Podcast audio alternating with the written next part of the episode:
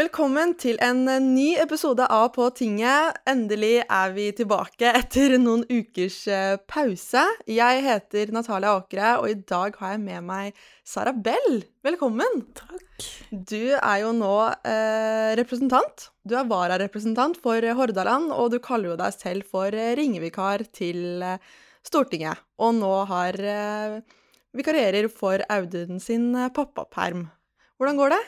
Jo, det går bra. Det er ganske mye for en uerfaren parlamentariker å lære seg når man kommer inn på Stortinget. Så de første Dette er min tredje uke nå, og de første tre ukene har liksom prøvd å lære meg hvordan jeg kommer inn og ut av bygningen, hvilke rom jeg skal være på, eh, hvor jeg finner eh, sakspapirer og ja, i det mm. hele tatt. Så ganske mye å prøve å forstå på kort tid, da. Mm. Og jeg har jo lagt merke til at eh, det er jo ikke bare bare å være stortingsrepresentant, og i tillegg liksom være ny og bare steppe opp midt inni noe, liksom. Nei, eh, altså jeg tror den eh, liksom frykten for å gjøre noe, en eller annen fatal feil er, er kanskje det mest eh, vanskelige. Også det at man ikke, man ikke er inne i en arbeidsmetode. Man vet ikke helt hvordan man løser ting, så man skal prøve å regne det ut mens man mestrer noen ting. Det, eh, men altså, etter noen uker så går det bedre. Og det mm. er alltid folk man kan spørre og få hjelp av og, og sånn. Men uh, man må nok uh, tåle å føle seg ganske hjelpeløs i begynnelsen. og også tåle at man ikke har kontroll på alt. Og ta det lengre tid enn det kanskje normalt ville gjort, fordi at mm. man faktisk ikke vet hva man driver med. ja, og liksom det, jeg tror det å være vara er jo litt annerledes enn å komme inn som ny representant, for er det så mange andre nye, og da har de omvisninger her, og liksom de, Den første uka så er det jo bare liksom lære seg akkurat det, men når du er vara, så må du bare hoppe inn i det.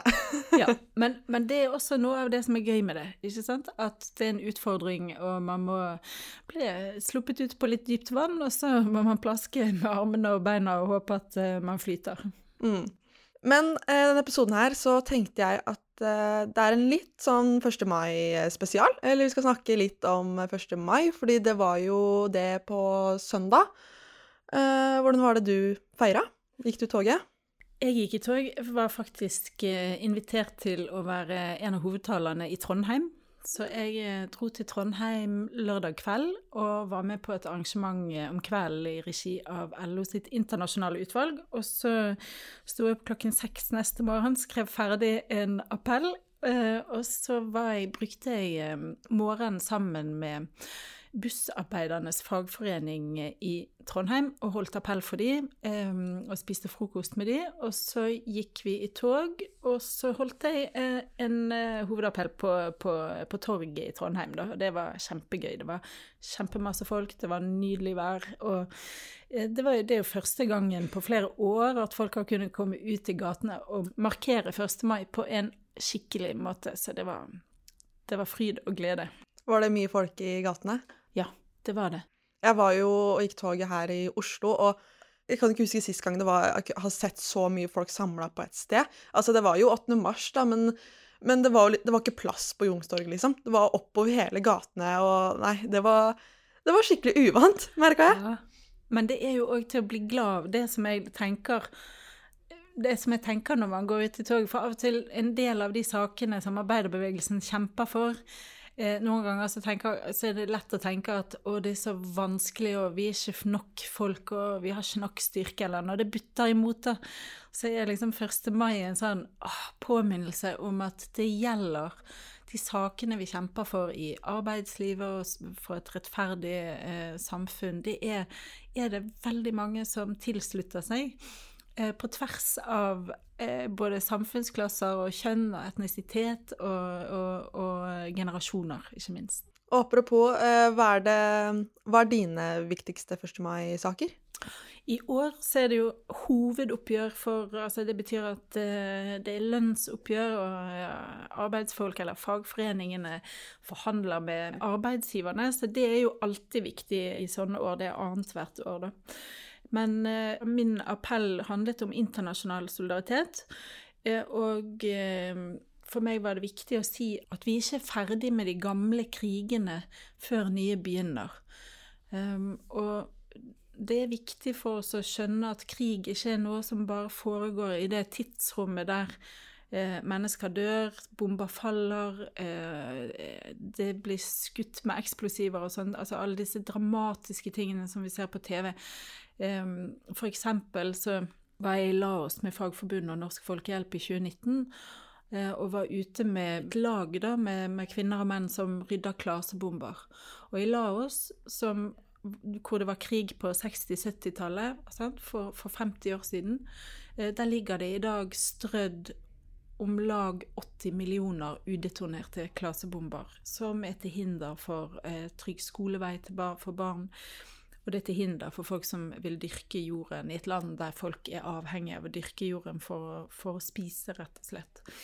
Um, og det, det, må vi huske på, eh, at, at, vi ikke er ferdig med konflikter når, når krigingen stanser. At det er eh, også går ting i stykker inni mennesker, eh, og at det ikke er nok å bare eh, heller bare flytte, altså grave opp eksplosiver og bygge opp hus. Man må også som den palestinske forfatteren Khaled Juma sier, man må også sy sammen hullene inni mennesket, fordi at sjøl mennesker som jobber med å stå imot effekten eller virkningen av krig, eh, de, de får forvridd menneskeligheten sin, da.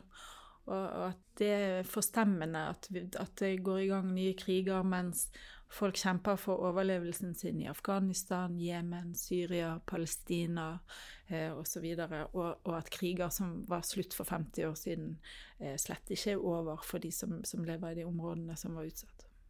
Ja, jeg tror det er veldig viktig det du sier, at eh, det oppstår nye konflikter og nye katastrofer hele tiden. Eh, og da, det er ikke sånn at eh, de andre som allerede hadde oppstått, de forsvinner fra verden.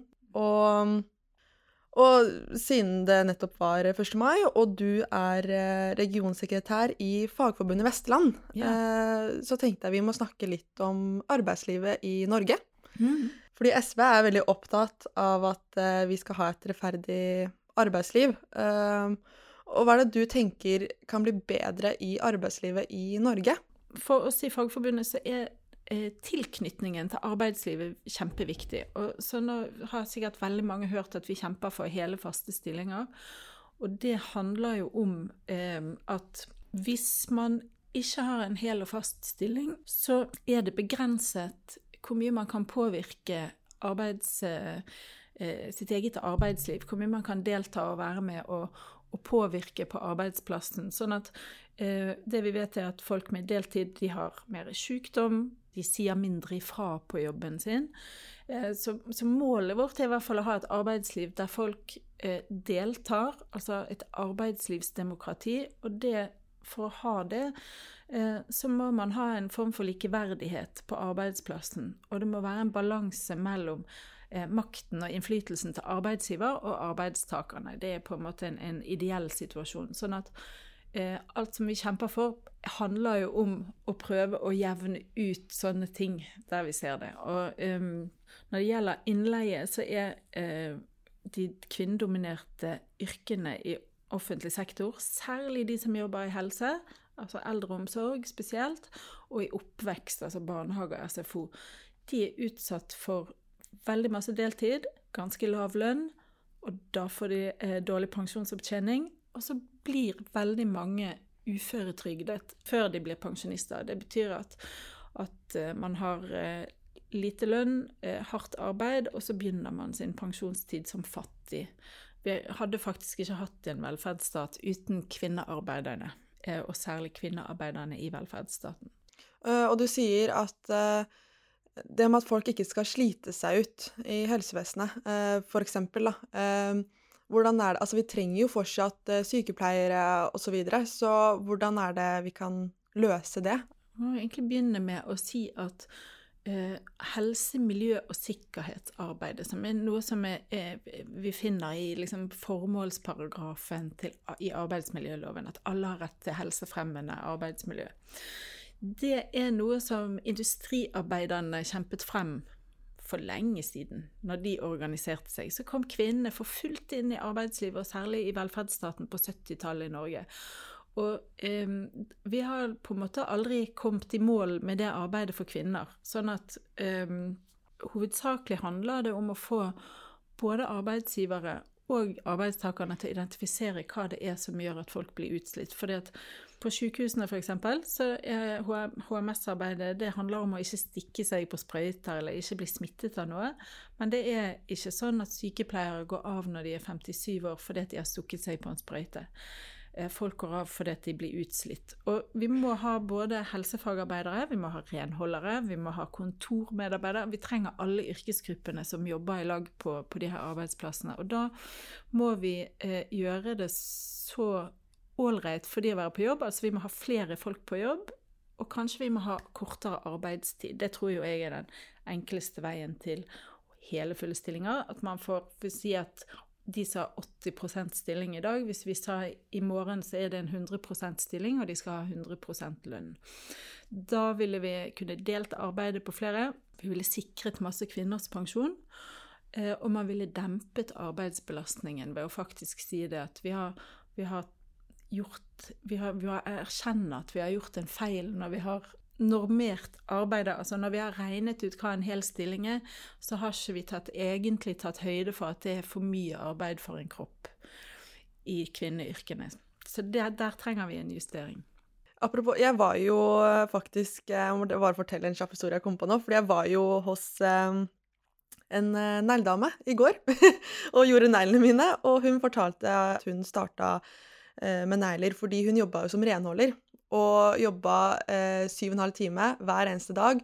Og hun fortalte at hun ble så utslitt. Hun var sånn 'Jeg kan ikke leve sånn her. Jeg må bare finne meg virksomhet, annen jobb nesten.' Fordi at hun ble helt utslitt. da. Og vi, det er sånn, vi trenger jo renholdere. Ja, og ofte så, når høyresiden skal snakke om disse tingene, så sier de kvinner må velge andre yrker. Og så tenker jeg ja ja, men hvem er det som skal jobbe i barnehagene, da? Skal vi ansette roboter der? Ja. Eller, eller, hvordan hadde vi tenkt å gjøre det? Og jeg kjenner jo og har vært i fagforening med, med renholdere altså, som har jobbet et helt liv i 100 i renhold, og som har, liksom har hatt 15 kneoperasjoner og ikke hadde full opptjening og måtte stå lenge. Og, og, og, det er jo noe med å verdsette den arbeidskraften til folk som jobber i yrker som er helt nødvendige for funksjoner på ulike arbeidsplasser, enten de er renholdere, eller om de er assistenter, eller eh, hva man nå enn gjør, så må vi kunne love hverandre at det arbeidet vi tar,